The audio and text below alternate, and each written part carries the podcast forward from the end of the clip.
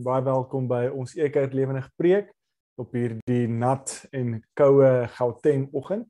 Uh waar ook al jy vandag vanoggend dalk al inskakel, ons hoop regtig vir dit is 'n positiewe en opbouende godservaring vir jou en mag uh, en ek hoop ook dat jy en jou familie 'n heerlike Paastyd gehad tot dusver.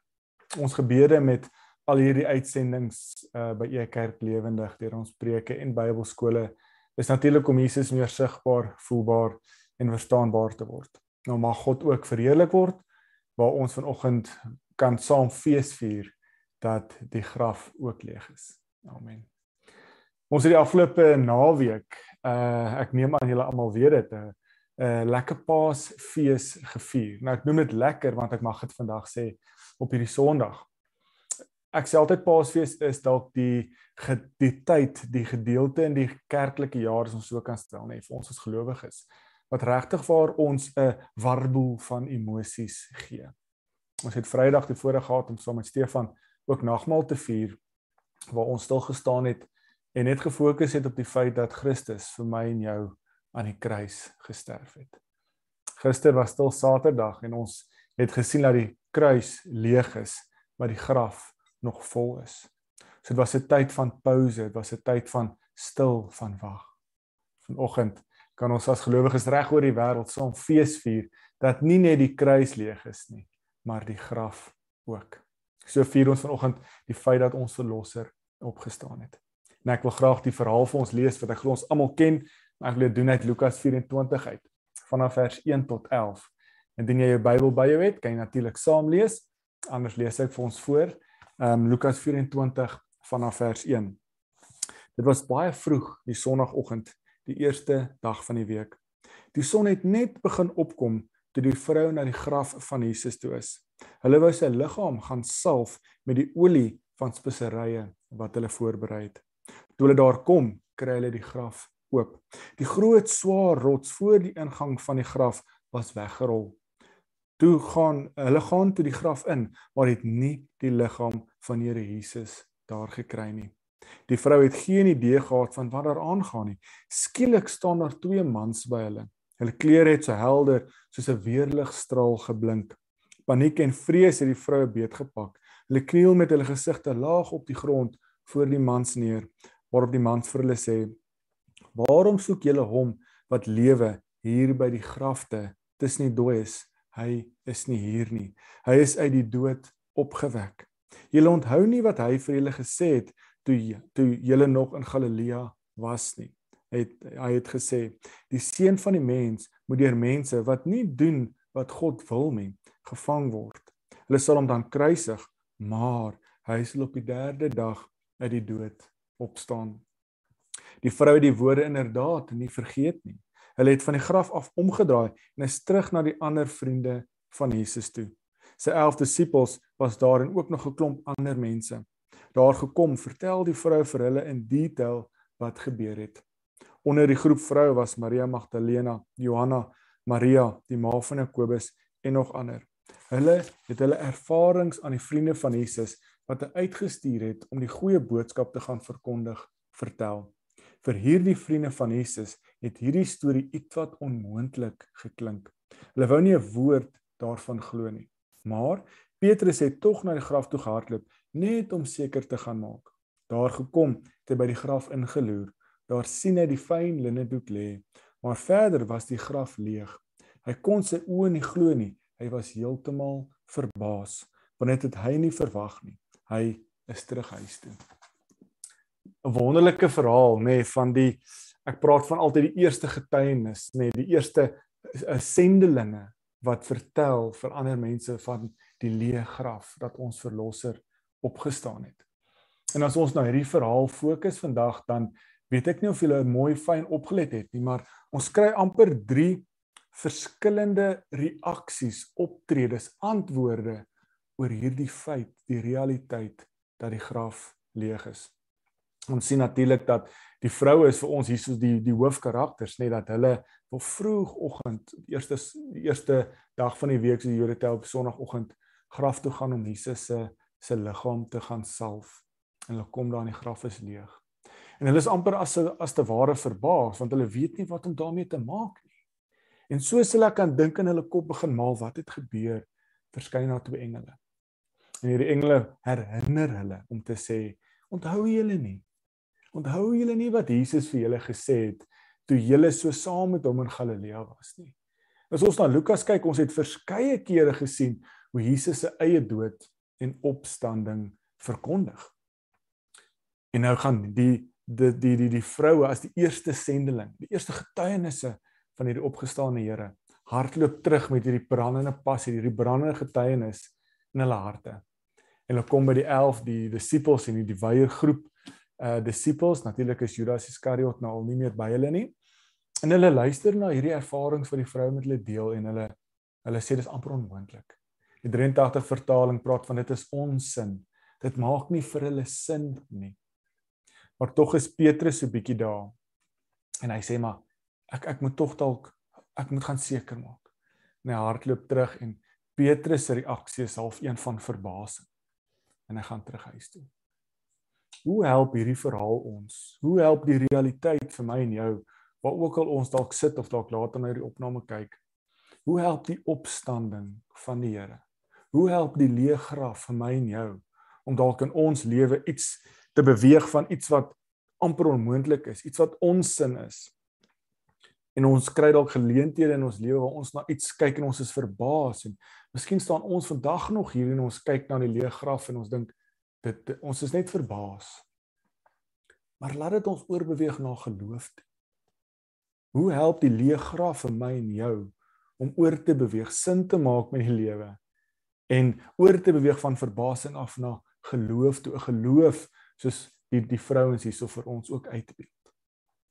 En as ons na hierdie gedeelte kyk, dan moet ons eers kyk na na die 11 disippels en die weiergroep disippels. Want hulle is vir ons amper wil nie sê strappe van vergelyking nie, maar hulle kry hierdie verhaal en hulle dink is onsin. Hulle dink is amper onmoontlik. Ons moet dit eerlik sê. Uh miskien is dit omdat die die boodskappers is vroue en ek vandag se tyd is dit vreemd, maar in die antieke tyd was vroue ongelukkig nie belangrik geag nie. En dit is ook vir ons altyd so mooi, nê, nee, hoe die hoe Jesus in die evangelies en die geloof weer vir vroue sentrale rol gee in ons geloofslewe en die geloofsgemeenskap. En dit is vir my altyd so mooi dat die eerste getuienisse, die eerste mense wat sien die graf is leeg is die vrouens. So Jesus sê die vrouens se getuienis is belangrik. En hulle gaan na hierdie disippels toe. Miskien glo die disippels nie en hulle dink omdat dit vroue is, ons ons vertrou nie julle ervarings wat julle met ons gedeel het nie. Maar tog vir my en jou vandag moet ons hier vir mekaar vra. Is ons miskien dalk soms soos hierdie disippels? En wat bedoel ek met dit? Waar plaas ons ons vertroue? Want hulle glo nie die vroue nie. Nou dis fyn woorde. Hulle glo nie die vroue se getuienis, die vroue se ervarings nie soos alvas of te ware hulle hulle vertroue in die vroue se getuienis plaas.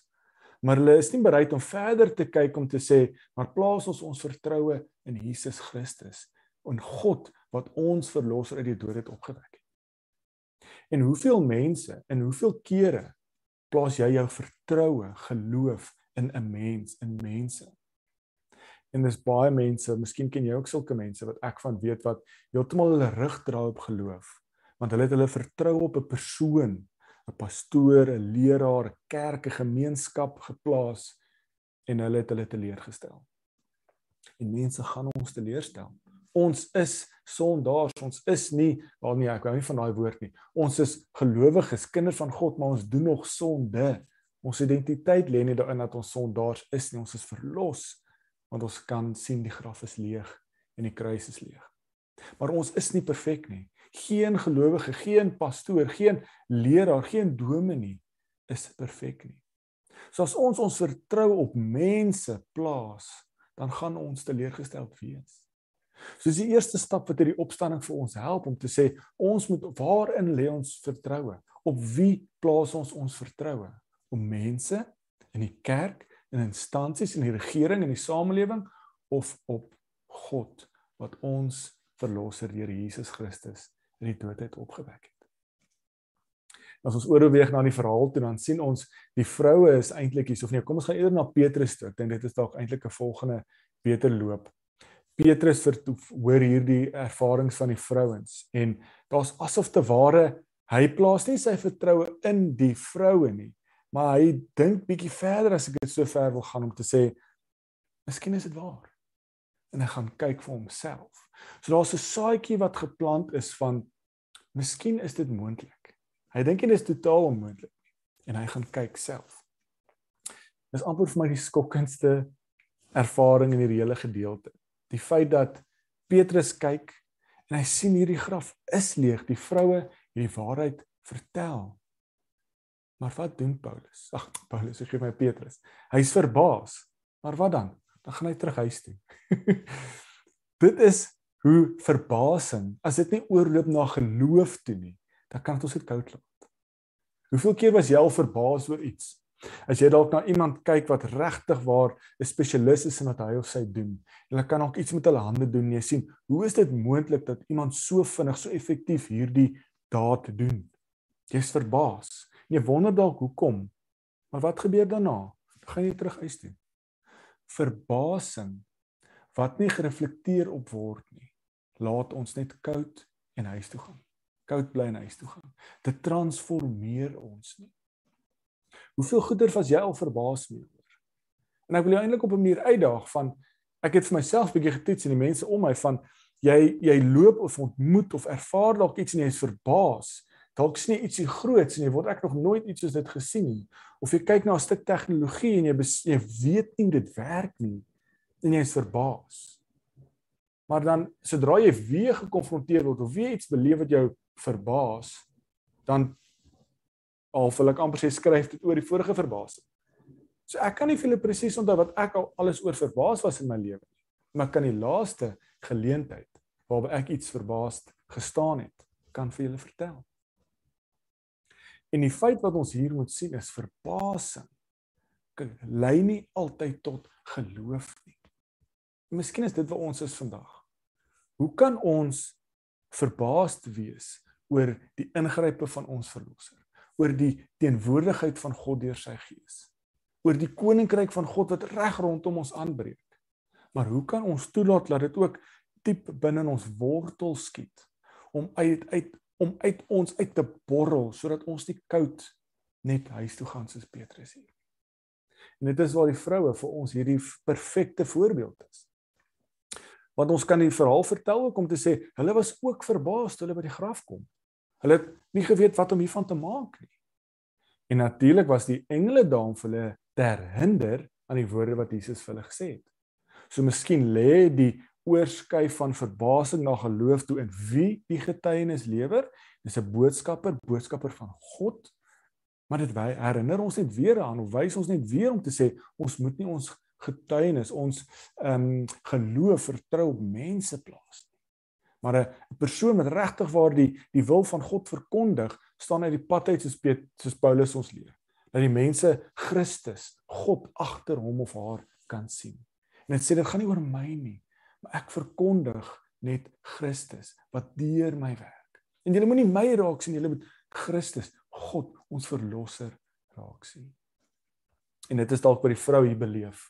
So vir hulle is die oorgaan van verbasing na geloof toe die feit dat hulle herinner word, hulle onthou. Ons moet begin deur te sê geloof is nie net 'n logiese afleiding van die feit dat die graf leeg is nie. Laat ek dit weer sê. Geloof is nie 'n logiese afleiding van 'n leë graf nie. Want Petrus en die vrou het dieselfde logiese afleiding gemaak van hierdie graf is leeg. Ons kan dit sien. Maar Petrus bly by verbaasd maar hy gaan huis toe. Maar die vroue reflekteer en onthou die woord woorde van Jesus Christus, Jesus toe nog op aarde was. En hulle besef maar hierdie het Jesus vir ons kom verkondig. Hy het dit vir ons kom praat, kom inlyf, hy het wonderwerke kom doen. Hierdie gebeur want dit is wat God se wil is vir Jesus se lewe.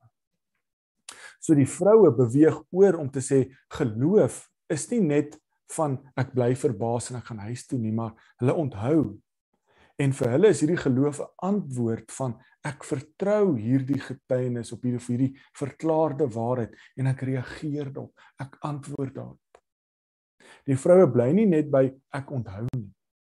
Maar hulle gaan ook oor in 'n daad toe om te sê om te onthou maak dat ons dit ook begin leef, uitleef in ons lyf dra. Dit is hoekom hulle half hardloop na die 11 disippels toe om hulle te gaan vertel wat hulle ervaring is. Soos half asof hulle met dit rond gesit het, rond geloop het, gereflekteer het in hulle harte en dan kan dit alvas te ware nie uit uitborrel. Wanneer laas as jy so opgewonde, so positief oor iets wat uit uitgeborrel het? Nee, dit is wat hierdie verhaal vir ons leer. Die feit dat die die dames is so opgewonde dat hulle die opgestane Here of nie ontmoet het nie, maar die leë graf is net die engele getuig dit en hulle kan dit getuig en hulle kan die eerste sendlinge wees dat dit uit uitborrel.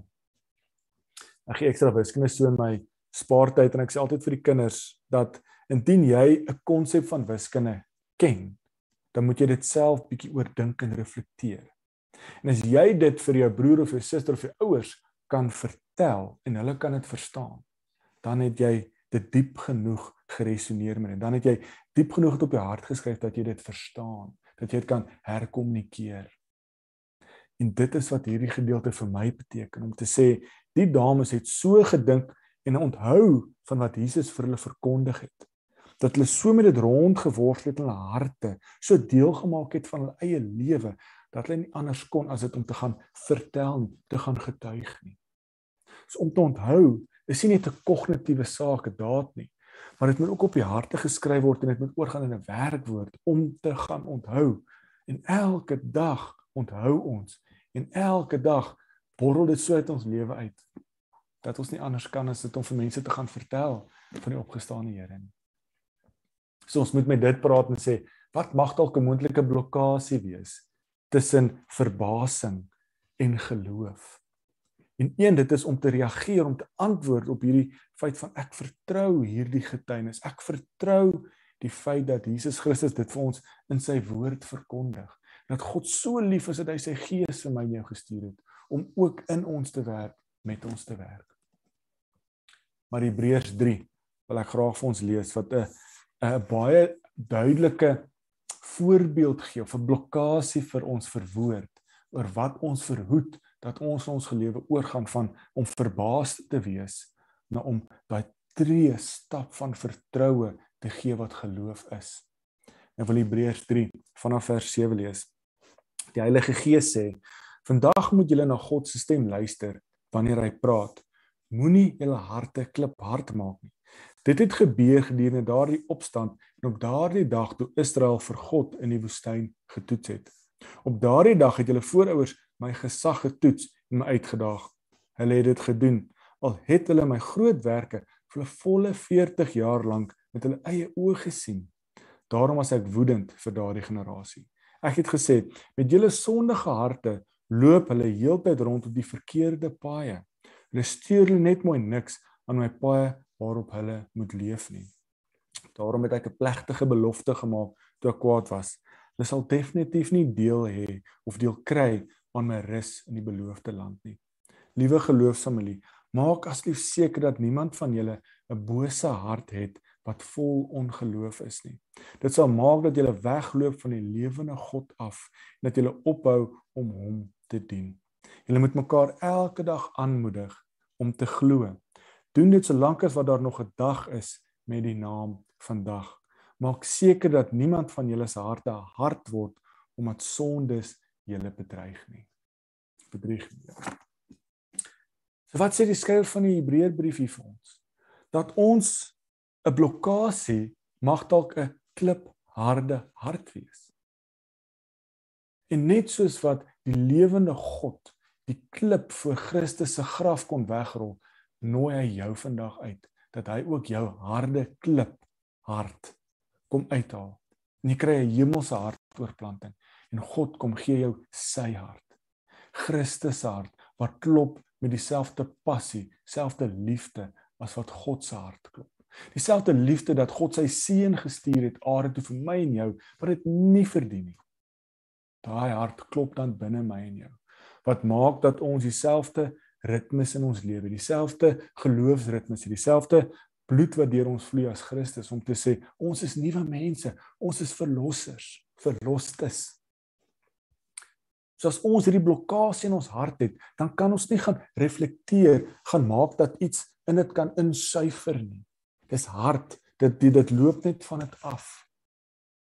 En wat is die blokkade in jou lewe? Wat is dit wat verhoed dat Christus die die wat laat ons kan beweeg van verbasing na geloof toe?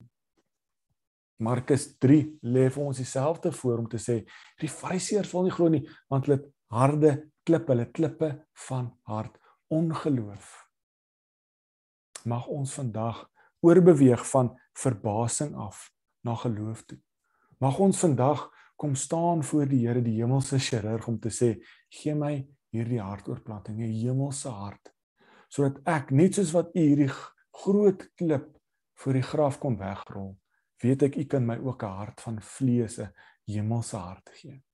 Sodat ek ook kan elke dag verbaas wees, maar ook dat dit kan dieper wortel skiet om oor te beweeg na geloof, te daai tree gee van vertroue.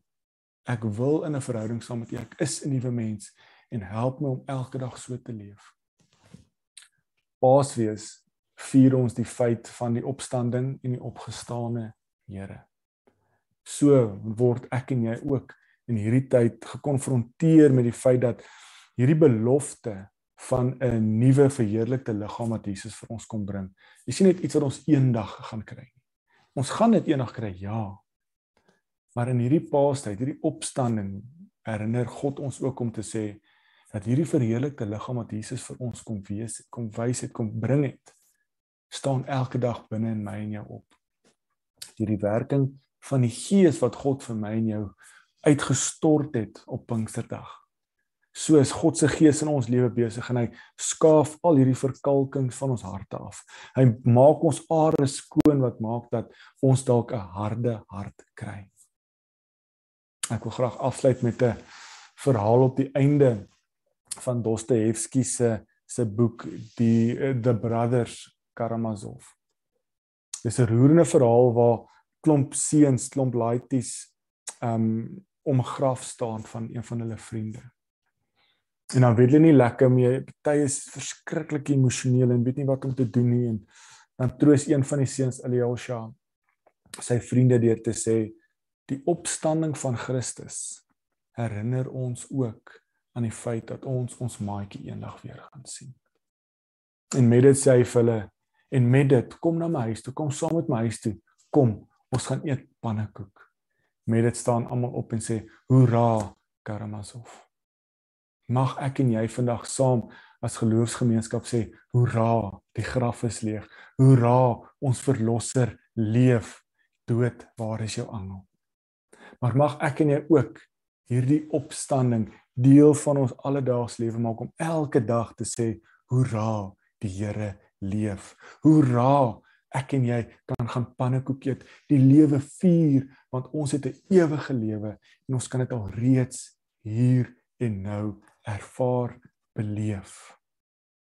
Mag jy vandag die res van hierdie opstanding Sondag ook hoera skree saam met familie en vriende. Mag ons die lewe vier, die feit dat God ons verlosser uit die dood het opgewek het. Dat die graf leeg is. Dat ek en jy ewige lewe gaan hê en ook 'n ewige liggaam gaan hê by Christus, by God in die hemel. Maar mag ons elke dag hoera sê, want elke dag is die opstanding deel van jou en my lewe. Mag dit ons eerste tree wees na 'n lewe van geloof toe, van transformasie. Amen. Here, dankie vir die voorreg wat ons het om as gelowiges reg oor die wêreld saam fees te vier, saam te jubel, te juig, te sing dat die graf leeg is. Die dood het nie hou vas op ons verlosser nie. Here, dankie dat U U seun vir ons kom stuur het en dat hy vir ons op goeie Vrydag aan die kruis gesterf het. Dat ek en jy dat ons nuwe lewens kan hê, nuwe liggame kan hê. En Here, al is ons hier op aarde nog steeds besig met hierdie aardse liggaam wat pyn en skete het, wys die opstanding ook vir ons dat ons eendag 'n ewige lewe gaan hê by U. En Here help ons dat ons nie net leef vir die ewigheid nie, Heer, maar dat ons ook die ewigheid nou al reeds besef en raak leef hier en nou, elke dag. Laat ons elke dag hoe raak kan sê vir die lewe. Dat ons elke dag hoe raak kan sê dat U lewe, dat ons deel het van hierdie nuwe lewe, ons deel het van hierdie nuwe koninkryk. En ons vra dit in U groot en heilige naam, die naam van ons Here Jesus Christus. Amen. Baie baie dankie dat hierdie paastyd saam met ons uh, fees gevier het deur hierdie preek op ons regstreekse uitsendings. So nou ons julle uit eerskomende Sondag, uh vergewe my eerskomende Vrydag, uh gaan ons nog steeds voort dan met ons uh, Bybelreis waar Stephanie Ber aan aan die woord is waar ons ehm um, besig is met die reis deur Lukas 9 tot 19. Jesus se groot reisverhaal. So wil ons baie baie dankie sê aan almal wat ingeskakel het as jy dalk nuut was. Baie baie welkom. Baie dankie dat jy ingeskakel het. Baie dankie aan almal van julle wat ook so deel maak van u kerk familie reg oor die wêreld. Mag julle geseënde opstanding Sondag hê verder. Totsiens. thank you